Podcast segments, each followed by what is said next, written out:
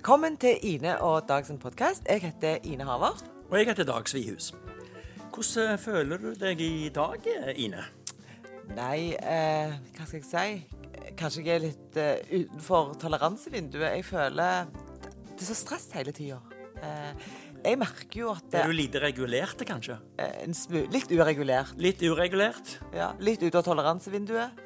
Jeg tror Nå bruker vi kanskje litt sånn ord som folk ikke helt få taket på, men Men, men er du regulert? det? eh, mm, Kanskje.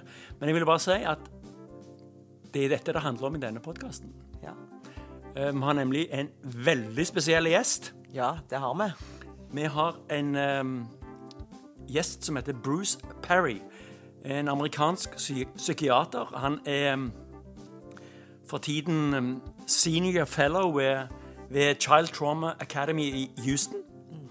Han har em, undervist i psykiatri eh, ved Yale University School of Medicine. Han har eh, hatt eh, en veldig viktig rolle i mange av de store um, traumene som har vært i USA. Altså eh, 11. september, eh, Columbine eh, og andre store hendelser hvor han har vært en, en viktig rådgiver.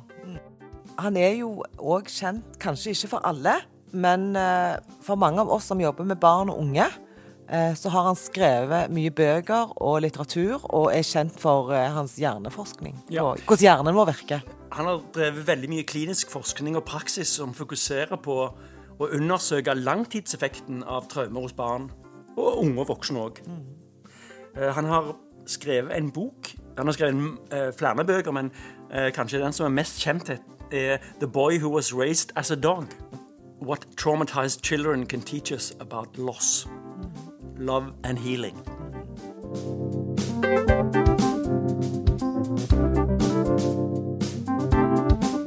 Welcome so much, uh, Dr. Perry, and thank you so much for joining us on this Norwegian podcast. Thank you very much. It's my, my pleasure. A lot of us already know uh, who you are, but could you please tell us a little bit about yourself and your work? Uh, sure. I, I'm a child and adolescent psychiatrist, and I also have a PhD in the neurosciences. And for the last 30 years, I've been studying various aspects of how experiences influence development, um, primarily in humans. Uh, and uh, this uh, and the experiences I've been primarily studying have been bad experiences um, child abuse, neglect, exposure to natural disasters, uh, various forms of trauma. And, and really, in the last 10 years or so, we've been spending a lot more time thinking about the, the impact of positive experiences, you know, how uh, relationships and uh, other kinds of uh, healing experiences, therapeutic experiences influence uh, development. Um, we are in the middle of a, of a global crisis right now. And um, uh, may I ask, how, how are you doing? Uh, how is it like where you are? Well, you know, fortunately, I live in a community that's uh, early on did social distancing. So there's impact, but it's nothing like what's happening in some of the large urban areas. Mm. The but because of the work that we do, we've been spending a lot of time working with uh, healthcare systems, uh, working with our colleagues, working, with educators to help them um, really understand a little bit more about stress, distress, and trauma. And um, it, it's it's you know it, it's sort of the sad reality that our working group has a some experience with these sort of large scale um, events. Nothing like this, but you know we, we do have some ideas about how people perform under duress, how prolonged stress wears people out what are some strategies that you can use to stay regulated as, as much as possible um, you know it's uh, there are a lot of aspects of our work that are useful to systems and, and to people during this time so we've been called on to do a lot of that uh, sort of public You- engagement work You have uh, worked in, in uh, quite a few situations where there's been tremendous stress for a lot of people. Um, how would you compare this situation to uh, what's what you've been through before? Well, that's a really good question. We've, we've actually been thinking about this ourselves. And, you know, there are people that we work with that are right in the middle of this. You know, we have colleagues in New York, hmm. we have colleagues in California, we have colleagues in Italy and in the UK, and a lot of places that are impacted really intensely. And so their experience is very different than the people who are in communities where it's not yet devastating. So, but one of the things that we see that's really universally um, obvious is that in our past experiences and and currently what we see is that all of the existing systems and practices and programs that we have in place to kind of deal with education child welfare mental health all of the fault lines sort of all of the weaknesses of those systems are sort of unmasked under this kind of situation and we mm. see uh, just tremendous need everywhere. Mm. Um, you know, children. We we talk about these. You know, we'll have these. You know, one page handouts about what to do with your child. You know, when you're homeschooling, and you know, the reality is, twenty five to thirty percent of the families. That's a ridiculous set of recommendations. You know, they you know they can't mm. sit around and you know take construction paper and make a little project. They're worried about, you know, they've got four kids running around and they're the only parent in a one bedroom apartment. They don't know where they're going to pay for how they're going to pay for rent. They lost their own, they lost their job. They don't have enough money to go hoard. You know, the, the grocery stores in the inner cities aren't empty because nobody has enough money to hoard. Hmm. And so the the groups that we tend to work with the most, uh, the the most marginalized, the most vulnerable, they're literally um, being very, very overwhelmed. And I think many people, for example, that work in the domestic violence world, you know, we're aware that there are more and more reports worldwide about mm. increases in domestic violence. We think that even though it's not being reported, we believe that that there's a probably a parallel rise in child abuse but because so many child abuse cases in the US are reported by people outside of the family, since the kids are staying in the home or, or in the apartment, they're not being seen by others. So we think that after this is over and the social isolation part, the physical isolation part decreases, we will see an, a rise in that as well. So yeah. um, that's the that's the number one thing we see that's similar is that our existing systems are just always mar- operating kind of on the margins. Just they're mm. they're basically kind of just getting by. And so when you add this additional duress, it just makes them unravel. Mm-hmm. This is also a big worry in in Norway because uh, yes. the centers for women uh, they can go to are empty. Uh, the police doesn't get as many. Uh, uh I take this again. Reports. Reports because uh, they don't go to childcare and they don't go to school, where that's a normally a very big um, way they pick up signals for, for, for trauma for kids. Yeah, so I read uh, yesterday uh, that there was 135,000 less uh, contact points. But I don't know if the, if those numbers is, is quite correct. But I think a lot of children uh, are suffering now uh, and uh, that's a big worry. But but I also think that a lot of uh, adults and parents are in trouble because uh, in Norway, as we as you probably know, because you're maybe one of the one who uh, introduced us to the window of tolerance. Uh, I think even me and Dag easily can get out of this window these days. Mm. And and how can we help people to stay in there?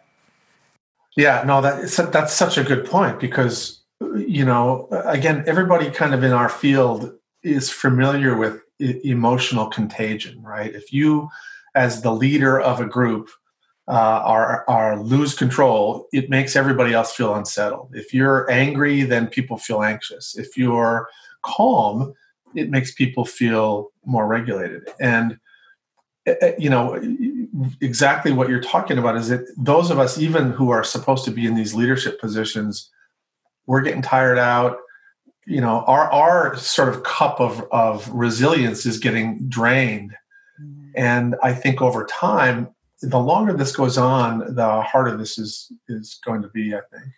You know, I was just commenting to one of my colleagues today that I, uh, you know, we've been working pretty hard for the last couple of weeks, and uh, and I've been homeschooling my seven year old grandson, and and I've been, you know, just managing everyday life with my own family, and I I realized that I had a page on something that I was supposed to be writing, that I was on the same sentence, and and I looked back up, and ten minutes had gone by, and I, I hadn't done anything and then later on, I was looking for a file. You know how you search on your computer for a file. I, I literally took ten minutes just because my brain was just not as efficient, and I, you know, you can see it happen. You mentioned leadership, and, and that's a, a, good segue. At, uh, I just wanted to ask you about the importance of leadership, and, and I mean on the top level. Uh, and uh, I must say that we right now we have a prime minister in Norway who's not my favorite. But right now, I feel very calm that we have her, uh, and because she's a very responsible person. Uh, it goes outside of party politics. But but how would you? Uh, there's some issues with the leadership in the states. Uh, are you willing to comment on that? Yeah, I can comment on it a little bit. I mean, we've certainly seen very different uh, styles of leadership in the different countries that we have partners in. New Zealand, for example, has got incredible enlightened leadership, and yeah. it's making a big difference for everybody feeling more regulated, calmer. They feel safer. I, I think in the U.S., the political environment is so polarized, and even before all of this, mm. there was nothing that Donald Trump could have done ever that a certain segment of the population would think would be okay. I mean, yeah. literally nothing. I mean, he could help an old lady across the street, and thirty percent of the population would go, he, "He's looking. He's gonna. He's gonna try and steal her pocketbook." and, and then there's thirty percent who might see him steal somebody's pocketbook and go, "Oh, he's just going to take it out so he can put more money back in and give it back to them later."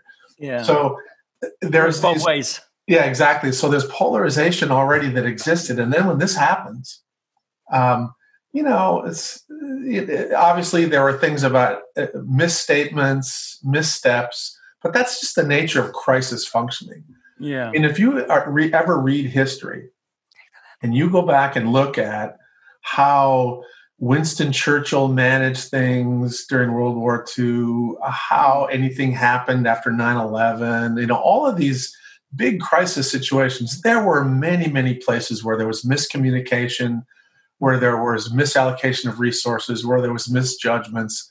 And, you know, uh, the truth is at this point, part of what I think is helpful, and there's a little bit of it, there's been a little bit in the US of trying to put aside some of the partisan bickering and, and try to address the needs of the country. And, you know, it's, he's got a weird style. That's all I can say. Mm. He's, hmm. he's, a weird leader. He doesn't make, you know, he, he's not uh, somebody who uh, completely engenders a sense of calm. Because he'll say something that's reassuring and then five minutes later he'll say something you're like you shake your head like what the hell? Yeah. No i agree. Yeah, but the whole world is affected by this, and and as we talked, uh, as we said before, it really does something to people. I think uh, could we call this a, a, trauma for the world?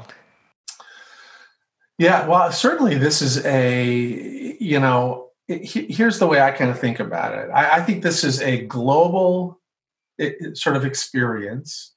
It's a it's a shared experience of duress now, I got to say, there's a lot of people who, like, say in the US, have a job, they didn't lose their job. They're going to have, they're going to be uncomfortable, they're going to be inconvenienced, they might be afraid and anxious a little bit, but pretty much they've got this reserve to manage this experience. And then there's some people this is absolutely going to be traumatic. And, and so I think that I, I, I, can't think of in my lifetime a an event that has such global uh, impact and and that has that is going to traumatize so many people in so many different, different countries. Yeah, do you, in what ways, if any, uh, do you think the the American society reacts differently than the Norwegian society? We're a tiny country, and we're like half of Manhattan or something. Uh, do, do, you think there's a difference in, in not necessarily the culture, but the the smallness? Well, I, I, I do. I think that there's a lot of things. Again, I think whenever you look at a big event like this, whether you're talking about an individual dealing with a traumatic event, or a community, or a family, or a culture, you kind of look at pre-morbid functioning. Now, how prepared were, were how regulated was this person to start with? mm-hmm. and how much this does this push push this person off balance and so I, again i may be wrong it may just be stereotypically the stereotypical perspective but in general my sense is that the scandinavian countries have been much more sort of grounded in social justice in you know there's less income inequality. There there's more of a sense of community and, pra- and policies and practices. And i think you're in a better position to demonstrate resilience under duress. More regulated regulated. Exactly. And i think in the us there's much more of a, a, dichotomy between the people that have and the people that don't have. And so i think that that the bigger this this inequality is the more you're going to get a bimodal response. You know you're going to get people who actually will have this experience and there will be they'll learn from it and they'll get closer to their family and they'll come out of this with a little bit more um, sense of, of competence and resilience whereas a lot of people are going to be highly vulnerable and just basically made worse by the experience yeah but part of it that is because our country is that way our country is just it, it has a much wider range yeah. of um, resources, income, mm. uh, access to services, and all kinds of things. So, mm. like, it's unheard of in Norway that somebody wouldn't have access to healthcare, right? No, no, because uh, in Norway everything is public, you know, and in the states uh, you have to pay insurance. And, and there's some people that don't have any access. Yeah, so, it, it in in Norway, uh, whenever there's something with, about health nobody thinks, can I afford it? That, that doesn't cross our minds. So, and, and I think that must be such a stress for uh, Americans, some Americans, that has that burden in addition to everything else. Absolutely. And I think the burden of, of work, too. I mean, the, the unemployment rate, all kinds of people are just, you know, again, there are attempts to sort of buffer this a little bit you know, there's several trillion dollars that have been dedicated to try to uh, yeah. sort of hold things together for a little while. But um, this is going to have, I think, long term and potentially multi generational impact for many, many families. Um, yeah. Because when, when this started, we like we read news worldwide, and in Norway, people were scared of getting empty for toilet paper. So everybody was going crazy buying toilet paper. And in the States, we could read they went out to buy weapons. Well, we bought toilet paper too. That's good to hear. Yeah. Need both guns and toilet paper. Guns and toilet paper, right. Yeah. But you said something, uh, Dr. Perry, that I thought was like a very uh, good thing to say. The most powerful buffer in times of stress and distress is our social connectedness. Connectedness. Connectedness, sorry. So let's all remember to stay psychically distant but emotional close. Reach out and connect. And it, it, that is like really good to read, but how to really do this in real life? How can we connect, really connect? Well, it, it's a challenge. we have to be, we kind of have to go uh, out of our way to intentionally reach out to people and I, we, you know, we we've had, you know, I've had a few suggestions. Other people have had some really good ideas. But one of the things that I think not everybody, but most most of the people in our society have access to a phone. Many people do have access to computers, um, and so we think that you know people should sort of make a list of like ten people that you know. And they may be old friends, they may be family, they may be you know somebody in your community that you know is a little bit isolated, and then intentionally reach out to them call them, or um, if you are socially distancing and you're still allowed to go walk, you know, walk by their house and uh, you know put up a sign and just say, "Hey, we're thinking about you," or have them come to the window and let's have a little conversation. Yeah. And that kind of intentional reaching out, I think, is going to be really important. Now, the good news is that you know a lot of us are familiar with you know kind of think about relationships that we're going to go have a meal with somebody and we're going to have a, an hour and a half conversation over the course of something to eat and, and we're present with somebody but it turns out that to the brain, you can get a maybe not necessarily a quenching dose, but you can get a nourishing dose of human connection in in a minute or two. So just having a minute, just you know, seeing somebody for a minute, you know, saying saying hi, seeing a smiling face, that tiny little dose of contact is regulating and rewarding, and it's positive. And I think that we we we're we may not have the luxury of being able to sit down with somebody and have a meal with them, but we can certainly give people in our in our world a, a little bit of a, one of these nourishing contacts. And I think that we have to just be really intentional about it. I I've been thinking a lot about uh, you know we're we all are mutual dependent on each other. I mean, we, all need the nurses, we need the teachers, we need the the firemen and everything, but we don't really think about it. But now it's so obvious that we need each other. So, I, I mean, whatever happens, maybe there's a, a kind of a silver lining that when we come out of this, we will respect each other more. Or, or am I just um, happy talking? No, no. I I actually think that that's a really powerful point. You know, we've seen you know, when's the last time that you actually had uh, people in positions of authority, you know, famous people, acknowledge the people who clean the hospitals, right? Yes, yes. What an important role that is, right? The person that sort of is almost invisible. Yeah. Even when you go to the hospital, you know, they're kind of invisible.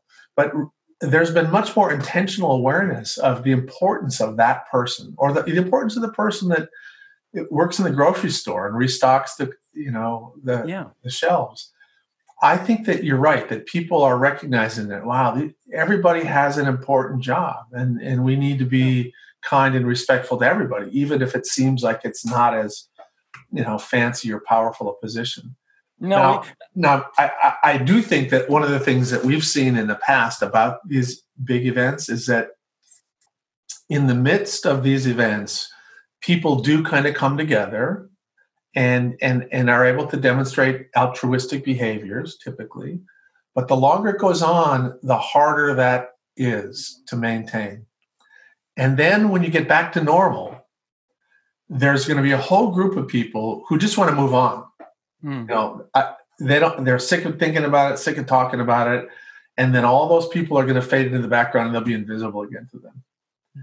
and but it won't they won't be invisible to everybody um, but I, I, I do think that that's just the you know human nature is um, you know after these big disasters uh, there's a large segment of the population who was not directly impacted in a tragic way who just kind of mm-hmm. wants to get on with it mm-hmm. you know let's get back to business you know let's get sports back on let's uh, let's get let's have our regular life and then the inertia of life takes them away from watching quietly how powerful and important the job of the person who cleans a hospital might be. Mm. Um, so I think that the the busyness of our lives will return, mm. and with it, our uh, you know sort of the self-absorbed nature of the way yeah. we live.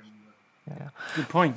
Yeah, but I, I, just want to get a little bit back to to the children because uh, they don't have like their own voice the way we have. And, and what will this do with the children uh, in the future? Will we see now a, a, lot of children that will be so damaged because of uh, this uh, situation? Uh, and will we ever be able to heal them when this is over? Good question. You know, one of the things I, it's it was about a month prior to this. I was contacted by some people in Mississippi, and one of them was a, a reporter who'd been studying the rise in you know the the profound opiate epidemic in the U.S. and sort of stumbled across some data about how children during Katrina, you know, the big hurricane yeah. in oh, the yeah. U.S. Yeah. The children who and families impacted by Katrina, displaced, and you know, had all kinds of stress and trauma from that. That their rates of mental health problems, suicide, uh, substance abuse were much higher than comparable populations. Um, and you know, I ended up talking with them about that. And I remember at the time of Katrina, I wrote an essay about, you know, the real, you know, tragedy of Katrina was the children who were going to be impacted by this, and how we would, you know, we understand how to rebuild roads. You know, we understand how to, you know, put money into an economy, but we don't understand trauma and because of that, there's going to be this transgenerational impact. And that's exactly what happened with Katrina. And I, I am afraid that that's what is possible here. I, I do think that now, since Katrina, more and more people in public systems and more and more people in the public understand, you know, are beginning to understand a little bit about trauma hmm. and, and how developmental trauma, you know, ACEs and adversity can impact physical health and mental health. I mean, people are learning about that, but I still think that we're a little bit away from moving from an awareness of that to having the will to spend money to address that before it's a problem. And so we tend to be very reactive in the way we deliver mental health services. Hmm. So we don't give you help until you already are so significantly symptomatic. Hmm. But the idea of, of, of providing services to prevent people getting symptomatic, we just don't do that in the U.S. Yeah, but but still, it, it now in these in these days, it's hard because it's hard to get in, and even if there is contact, maybe there's not contact at all. And even if there is contact maybe it's by computer by telephone. And we all know it's not easy for a child who's home with the parents and if it's scared to tell someone on the phone. That's just not the way it works. So i think we need all worldwide to really do a extra effort on this because we know that there has been some bad times now during this uh, situation no, I think you're absolutely right. And then there are we've been talking about this with a number of our colleagues and you know, I so part of what we've already started to plan for is the return to school. Mm. You know, how are we going to help educators be regulated enough, have their needs net met so that they can then begin to help some of these kids and identify the kids that are most at need. Um, but again, historically in the US, we under resource mental health, particularly mental health for children. We under resource uh, education. Uh, we tend we continue to mislabel kids with behavioral problems in our schools and, and don't recognize that a lot of times that's related to trauma. And so we still do a lot of punitive practice. You know, we ex- we put kids in seclusion, we expel them. We again, I don't mean to sound pessimistic, too pessimistic, but I just want to acknowledge that we have a long way to go in the U.S. before we can do some of this. I, I tried to uh, read some of your, uh, get into what some of the work you've done, and without getting too technical, um, is it so that trauma will change uh, the brain physically? Was that my? Do I understand that correct? Yeah. Well, not and and again, just to clarify, yeah. here's and this is the important part is that once you understand a little bit about the way the brain works, you recognize that it, it is intended to be changeable. So it's always changing. Your brain is always changing. It's it's sort of taking in new information. It's it's modifying the existing structure and organization on a microscopic level. And when you have a good experience, your brain changes. And when you have a bad experience, your brain changes. It just changes in different ways. Okay. So the good news is that therapy also changes your brain. Uh, and, and ideally, good therapeutic work is taking the systems that were abnormally impacted and helping them move back towards a more normal uh, sort of physiological functioning, which does require changes on a literally on a structural level, uh, all the way down to the microscopic level.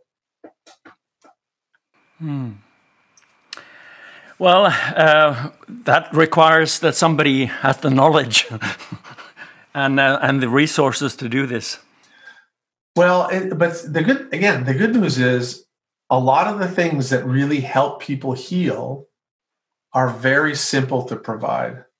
Hmm. Um, being a good listener, Hmm. being non-judgmental, being patient, being nurturing, those things create the physiological state in, in both the brain of the adult, let's say, and the and the child that lead to better regulation that lead to potential for physiological changes in the systems that are abnormally impacted. So, I'll, one of the things that we've seen is that if you take kids that have developmental trauma and they've got a lot of symptoms, and then you look at how they're functioning, let's say 10 years after they're taken out of the bad abusive environment, the number one predictor of how they're doing isn't whether they got therapy or not it's their the quality of their relational environment right now. So if they're in an environment where they've got family and school and sort of community who are understanding and patient and, and kind of meet them where they are developmentally and they actually function reasonably well.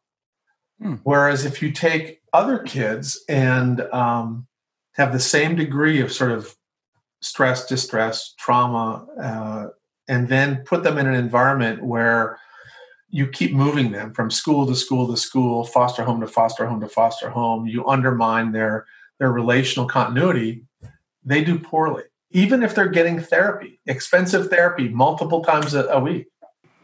So it's not. Um, you cannot just depend on therapy. No, no, no. No, no, No. no, no. It's the good meetings, it's the experience, the good experience that heals your brain. Yeah, and relations. Yes, and you need to also, uh, we should not get so technical because our listeners are uh, all kind of people, but the, where the damages happens in your brain, that's where you need to start to work. That's what I read from Dr. Perry. Well, I, uh, and again, it's easy for me to say because I'm sort of saying this from a position of privilege. Um, I- I, think the most powerful thing that people need to remember is that all, all of these this is these are manageable situations, and and that there are people in your life and around you who will be willing to help you. And so if you are, you know, if you're very dysregulated, um, do whatever it is that helps you regulate. If it's walking, walk. If it's writing, write. If it's doing art, do your art. Uh, and just remember to slow down and not have, don't have high expectations of yourself during this time. Just let yourself rest. Let yourself just be present in the moment. Do things that are relationally enjoyable. Uh, sort of give other people a break you know if Mhm. they're being irritable and just recognize that hey you know they're irritable now i'm going to be the irritable one in 10 minutes and just the more we learn how to be kind and gentle with each other and but also gentle with ourselves a lot of a lot of us hold ourselves to these ridiculous standards that oh we have to get this podcast done and we have to get this paper done and we have to do this other Mm. and some days you just want to get up and go forget it i don't want to do anything Yeah. um, you know especially after this goes on for a month six weeks and so forth Yeah. people are going to be Yeah, and I- exhausted Yes, and what you said, uh, which I thought was interesting, was uh, it's you can pick up the phone and you can speak to people, but you need to see the face, like we see each other's face on on this podcast, because when you see a smile, you Yeah. smile back, and it does something to your Yeah. brain, to your system. Yeah. yeah Yeah.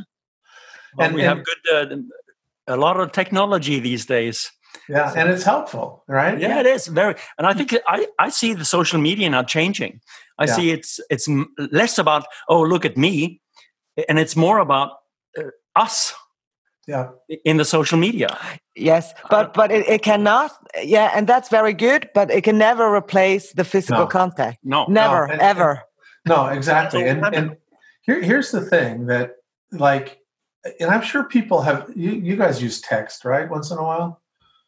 So once in a while when you get a text from somebody, it feels nice that, to know that that person's thinking about you in that moment, right? yeah, It's not the same as seeing them and getting a hug, but it's nice. Isn't? And then that very same person, if if you talk to them on the phone, it's nice to have the voice and the words because mm-hmm. that's a different. That's sort of a little bit more. And and then if you actually can FaceTime or Zoom, you can see them and you can see their expressions, and that's even a little bit nicer.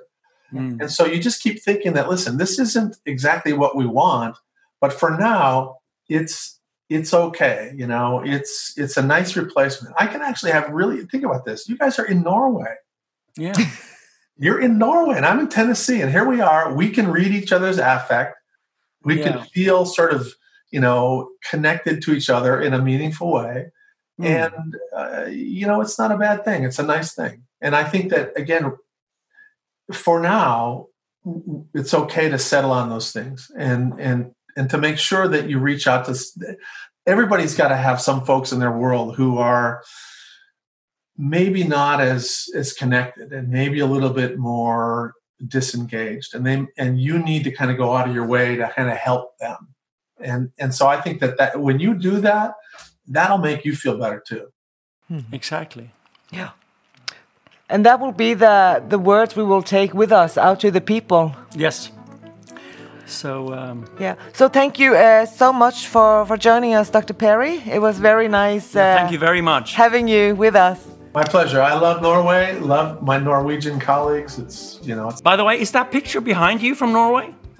no these are both of these are from uh, one of these is from uh, yoho and these are both in the, the canadian rockies Oh, okay. Yeah. But But, you've been look- so much.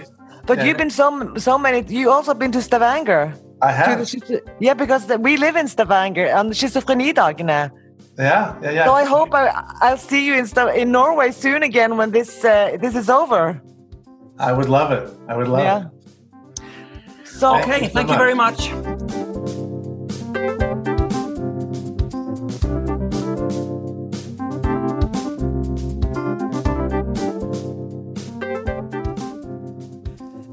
Det jeg syns var veldig eh, spennende å høre han si, som ikke jeg egentlig har tenkt på, det var det der med at ja, eh, du kan skrive tekstmelding, det stimulerer på en måte, men det er faktisk å se hverandre på FaceTime eller på PC, at det stimulerer òg på en måte hjernen. Ja, og at han, han hadde jo faktisk funnet ut at viktigheten av terapi, selv om terapi er viktig, Ja. så er det kanskje enda viktigere med de relasjonene vi har til hverandre. Ja. At vi kan være terapeutene til hverandre på en måte. Og han var jo òg sånn som mange av oss i Norge òg er. Han- Vi er bekymra for, for de barna som ikke har det bra, men heldigvis nå i påsken er det jo eh, lagt ut mange hjelpetelefoner som jeg håper barn ringer til hvis de ikke har det bra. Absolutt. Jeg lurer jeg lurer på om vi skulle lese det som det sitatet en gang til.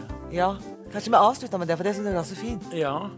Eh, Det er da um, dr. Bruce Perry som eh, har sagt The most powerful buffer in times of stress and distress is our social connectedness. So let's all remember to stay physically distant but emotionally close. Reach out and connect.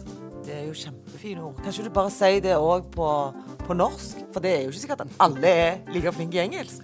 Ja, skal jeg ta det på sparket? Den mest kraftfulle bufferen vi kan ha i en tid med krise og stress, er den sosiale kontakten med andre. Så la oss alle huske å være fysisk fra hverandre, men følelsesmessig nær. Så strekk ut hånda og connect. Ja, Og det er fine ord å ta med seg inn eh, i påsken. Ja. Så da tror jeg at vi runder av for i dag, og vi er snart tilbake med en ny episode. Det er det. Ha det bra. Ha det.